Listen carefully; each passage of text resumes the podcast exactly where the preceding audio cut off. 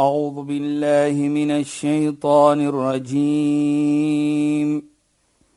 بسم الله الرحمن الرحيم. اليوم أكملت لكم دينكم وأتممت عليكم نعمتي.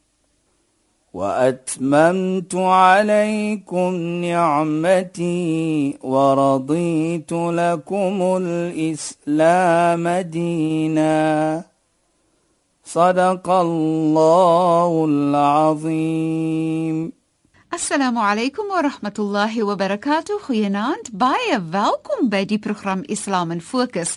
Ek is Shahida Kali en ek gesels met Sheikh Dafir Najjar. Assalamu alaykum Sheikh. Wa alaykum salaam wa rahmatullahi wa barakatuh. Luisteraars, opgewonde, ons gaan voort met ons gesprek waaroor ons gesels oor die goedheid teenoor ouers, die waardering van ouers, hoe ons hulle moet hanteer en respekteer, en nie die liefde wat ons vir hulle moet gee. En dan het Sheikh verwys na om jou ouers te hou onder vlerke van genade en wat dit dan beteken in die lewe self.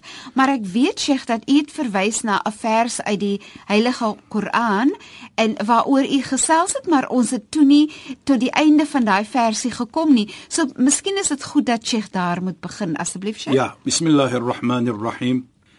Alhamdulillah wassalatu wassalamu ala rasulih sallallahu alayhi wa sallam wa ala alihi wa sahbihi ajma'in wa ba'd. Assalamu alaykum wa rahmatullahi ta'ala wa barakatuh in goeie naam aan ons geëerde en geliefde luisteraars. Nou ja, luisteraars, ons het in die verlede paar weke gepraat oor die regte en die verantwoordelikheid teenoor ons moeders en ons vaders. En ook wat baie belangrik is dan vir my van 'n islamitiese oogpunt is dit dat ons verstaan dan deur Islam sien ons hoe belangrik die moeder en die vader is in ons lewe as kinders en hoe ons vir hulle makkeer en nie die teenoorgestelde wat ons sommige tye dink hoe hulle vir ons makkeer nie. Maar soos ons vra maar altyd waar lê ons hemel? Waar lê ons janna nou leer dit by hulle twee. So in daardie omstandighede makkeer ons dan vir hulle. Ons het in die verlede gesê ook ridallah fi ridal walidain soos die heilige profeet Mohammed sallam sê. Die tevredenskap van Allah lê in die tevredenskap van die ouers en die teenoorgestelde. Wasagt Allah fi sagt alwalidain. Allah se ontevredenskap lê dan in die ontevredenskap van die ouers. So as ons dit kyk nou kan ons verstaan beter hoe Islam dan kyk na 'n moeder hoe Islam dan kyk ook na 'n vader watter posisie hulle het volgens Islam. Nou as ons terugkom na daardie versie waar ons gepraat het in die verlede van wa qada rabbuka alla ta'budu illa iyya.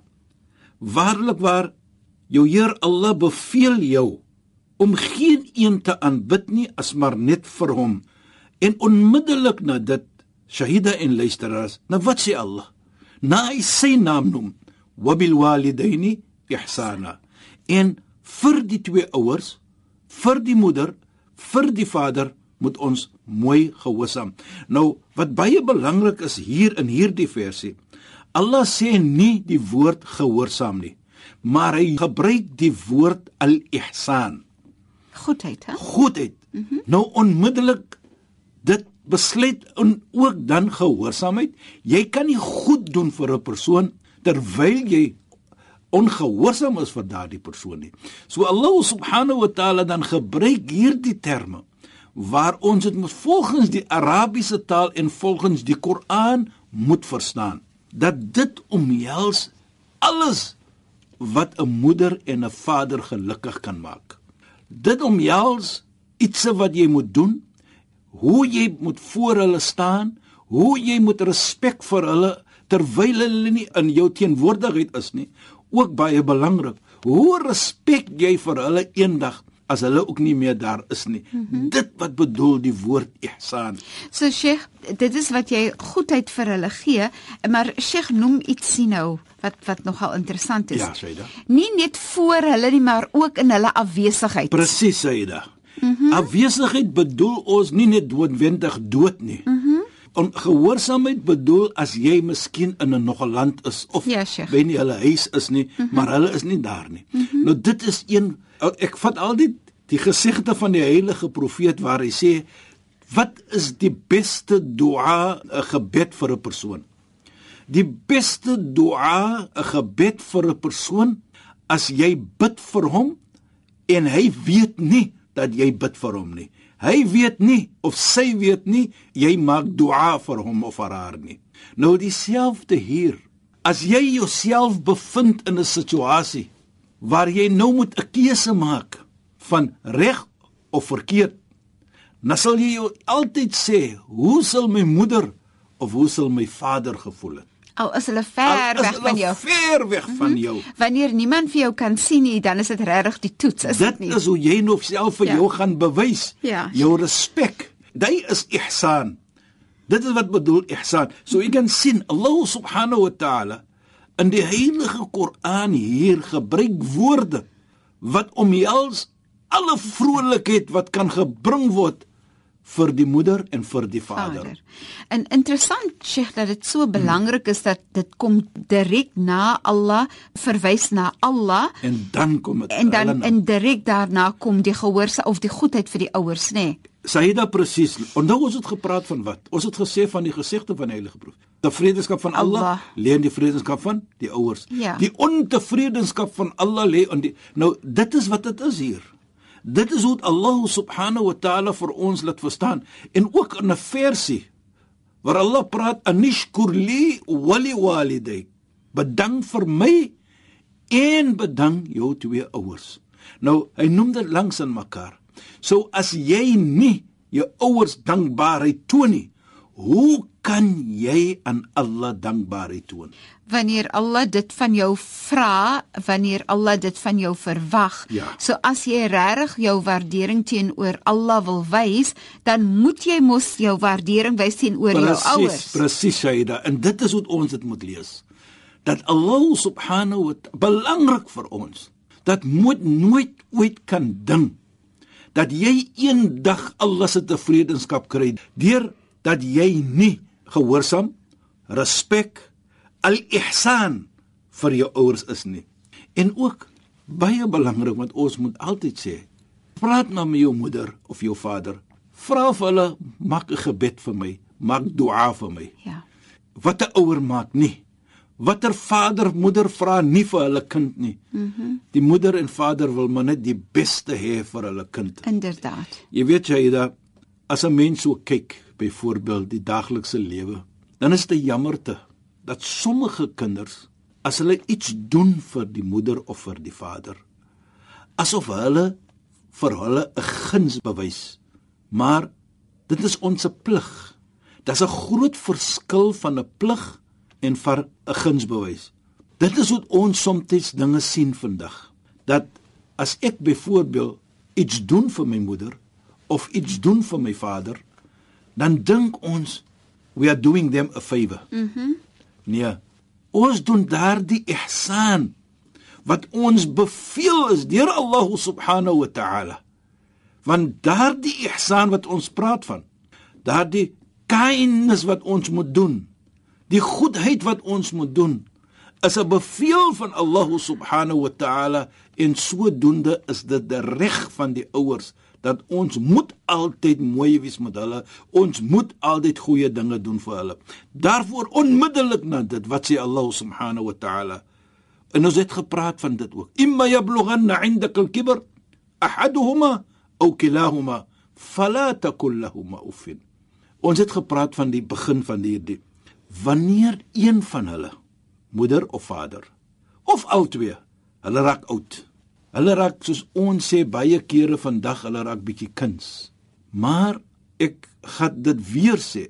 Die Koran sê, Islam sê by jou, nie aan 'n plek nie.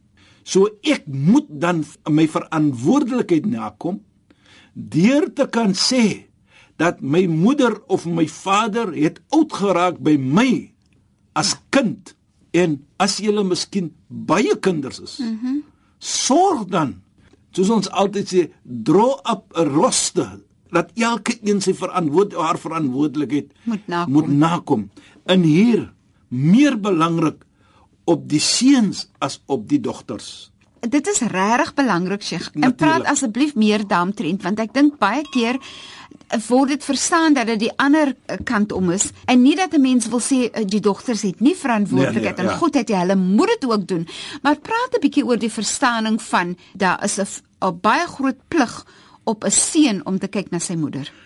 Jy weet jy dat in die islamitiese oogpunt is dit eers die verantwoordelikheid van 'n seun. Hoekom sê ons so? Kyk, as die dogter trou byvoorbeeld, dan gaan sy mos nou bly by haar man en daar is 'n verantwoordelikheid van haar meer teenoor haar familie as wat kom na die moeder toe. So Islam dan maak dit gemaklik vir die vrou, vir die dogter dat deur die plaas die verantwoordelikheid eerste op die seun voordat Islam die verantwoordelikheid plaas op die dogter. Nou Shaida, as ons net kyk, ek was in die verlede ook hierdie vraag gevra. Hoekom is dit in Islam dat byvoorbeeld 'n vrou of 'n dogter erf minder as 'n seun? Dit kom van verantwoordelikheid. Byvoorbeeld, ons weet 'n man moet sy verantwoordelikheid nakom teenoor sy vrou as dit kom na huisgoed. Byvoorbeeld, hy moet sorg dat daar kos in die huis is, hy moet sorg dat sy gekleed word as sy siek word, hy moet betaal. Daar is nie so iets dat die vrou moet betaal nie. As sy dit dan doen, dit is haar goedhartigheid. Dis niks verkeerd met dit nie, maar sy verantwoordelikheid, hy suiwer op dit. Allah subhanahu wa ta'ala op hom geplaas het. Ek het baie hierdie grappie gemaak en ek gaan dit weer sê. As 'n man kom en dit reën, dit storm, hy kon nou van die werk af. En hy sê vir die vrou, "Kyk hoe hard moet ek werk nou, ek is sopnat met. Kyk hoe lyk ek." Nou moet die vrou net sê vir hom, "Kyk jy moet man met Allah gaan praat, nie moet my praat nie, want Allah het die verantwoordelikheid op jou gesit." Laat die vrou nie moet guilty voel nie. Ja. Sommige tye maak ons mans die vrou guilty laat voel. Nee, nee, nee. nee. Dit is sy verantwoordelikheid. Hy moet dit doen. As hy 'n probleem het met dit, dan moet hy maar met Allah gaan praat. So dit is wat ons probeer om te sê. Dieselfde uh, Shahida en luisteraars, as dit kom na sy suster toe, sy verantwoordelikheid, hy moet kyk na sy suster. Hy moet sy verantwoordelikheid nakom teenoor haar. So ons kan dit sien dan dat die man het 'n ekstra verantwoordelikheid in alle omstandighede teenoor sy moeder, teenoor sy vrou, teenoor sy susters byvoorbeeld. So ons kan dit sien dan. Al het die vrouens wat Sheikh na verwys, al het hulle hulle eie geld, is dit nog steeds sy verantwoordelikheid om te kyk na hulle. As dit kom na 'n situasie waar hulle hulle eie geld het, dit is 'n verskil nou. Sy kan mos nou 'n bietjie kyk na, haar, maar hy moet net daar wees altyd vir hulle. Mhm. Mm As dit nodig is. You know wat ons nou altyd maar sê if the situation warrants it. Ja. Nou in hierdie geval praat ons van die moeder wat 'n ou mens is, die vader wat ou mens is. So om as ons kyk dit, toe die vader jong was, toe die moeder jong was, wat ek bedoel by jong is toe hulle kan kyk na hulle self. Toe hulle nog sterk Toe ook hulle was. sterk was, wat het die seun maar net het nie sê dat hy nie sy verantwoordelikheid nagekom het nie, maar dit was nie benodig daardie tyd nie. Nou werk hulle nie meer nie. Ja, sure. Hulle is oud. Hulle kan nie meer bekostig sekere iets nie byvoorbeeld. Nou kom die verantwoordelikheid in. Na die- en ek dink nie soos ek sê nie dat die ander tyd dit nie gaan doen nie. Jy Ja, doen dit sure. maar. Byvoorbeeld as ons gaan besoek doen, byvoorbeeld ons moeder of ons vader. Dan neem jy mos altyd maar so ietsie saam. Ja, Sheikh. Miskien 'n lekker koek jy daar. Ek hoop my kinders luister. Of jy neem iets wat of 'n lekker sjokolade. presies Whole nut chocolate. iets wat jy weet hulle lyk byvoorbeeld. inderdaad.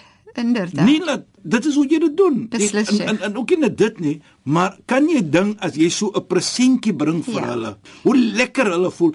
Hulle het al die geld in die wêreld. Dis hartverblywend al het hulle al die geld in die Presies, dis wêreld. wat ek probeer om te sê. kind. Dit wat ek probeer om te inderdaad. Sê, Shaida. Hulle het al die geld, mm -hmm. maar daardie presentjie wat jy bring. Beslis. Hoe voel hulle daardie oomblik om te kan sê, kyk wat het my kind vir my gebring? Beslis. En soos hulle sê money can't buy that. Daai No, gevoelendheid. nee. Daardie gevoelendheid wat hulle het mm. dat my kind gekom besoek het vir my en kyk wat het hy gebring. Nou dit is wat ons bedoel. Hulle het al die geld. Ja. Maar daardie gevoelendheid wat jy kry, sit in hulle. Dit is part van al-ihsan. Ja. So al-ihsan, kyk net hoe ver is dit. As ons sien van die Arabiese oogpunt. So as ons sien hier byvoorbeeld, imma yablughanna 'indaka al-kibr. As een of albei van hulle by jou oud word, hulle makkeer jou nou. Hulle soek vir jou nou. Nie noodwendig jy fisies nie, maar hulle bly by jou byvoorbeeld. Jy versorg hulle. Jy doen iets. Jy sit dinge in plek om vir hulle byvoorbeeld te laat lekker voel. En Sheikh, die ander belangrike iets ook is is dat jy beskerm vir hulle genoeg dat hulle nie bang hoef te voel nie. Dit is so by Saida. En dit is, you know, wat so mooi is vir my hier. Ons het nog gepraat van al-ihsan. Kyk hoe ver en hoe wyd kan ons praat. Nou praat ons van part van daardie al-ihsan is om vir hulle daardie supervision te gee. Ja, sure. daardie beskerming te gee wat jy Beslis. van praat daar. Beslis. En waar by jou? My huis is nooit te klein Ja. vir 'n moeder en vir 'n vader nie. Ja. My huis is nooit te mooi vir 'n moeder en 'n vader nie. Jy weet jy da so sad. Ja. Herinner jy vir my van 'n versie in die Heilige Koran waar Allah subhanahu wa ta'ala praat: "La tadhlimuna wa la tudhlamun." Moet nooit onregverdig wees nie, want as jy gaan onregverdig wees, gaan onregverdigheid gedoen word aan En jou. En nie nog 'n versie, kama tadinu tudan. Soos jy doen aan anders, dieselfde gaan gedoen word aan jou. Herinner dit vir my van 'n kind Saida. En ek dink ek het dit genoem in die verlede, maar ek gaan dit weer noem want miskien is daar luisteraars wat dit net gehoor het nie. En as ons dit weer hoor, is dit 'n herinnering en ons dra dit ook vir anders. Jy weet, die man het gebly toe by sy seun. Natuurlik, hy was getroud en soos 'n mens ouer word, so vergeet jy en jy raak miskien kinderagtig en baie mense kan dit miskien nie dra nie. Byvoorbeeld of hulle begin nou lastig te word. Ja, Sheikh. Breek goed in jy Precies, sien dit Sheikh, ja. 'n ouer wat byvoorbeeld netjies gewees het nou dat hulle oë swak is. Ja. Kan hulle nie altyd sien dat om hulle het ietsie geval of soos hulle geëet het het hulle bietjie gemors nie omdat hulle dit eintlik nie kan sien nie. Presies, nie dat hulle Nee? aspres is. nie. Nee, beslis nie. Jy praat nou so Shaida van die water. Ja. Oh, hy of sy gooi bietjie water in die glas maar dan gooi dit mis. Mhm. Mm nie dat dit Ja. opsetlik is nie, Gedoen het nie, maar ja. deur hulle ouderdom. Ja, Sheikh. En dit is die mooiheid wat Allah subhanahu wa taala weer praat. Eindeke by jou sodat jy vir hulle kan omgee en help die oomblik hulle daardie hulp nodig het. Nou as ons dit sien Shaida, dan sien ons soos Allah sê, so jy doen en anders gaan dieselfde gedoen word aan die kamata dino toe daar. So die man bly toe by die kind en hy raak oud. En nou begin hy daardie water mis te gooi. Hy begin nou te vat die bord, maar sy hand is gleerig of is nie so sterk nie. Daar val die bord uit sy hand dit het breek. En nou die skoondogter, die vrou van die man, begin bekla by die man. Jou vader, die en jou vader, dit elke dag gaan dit so sê.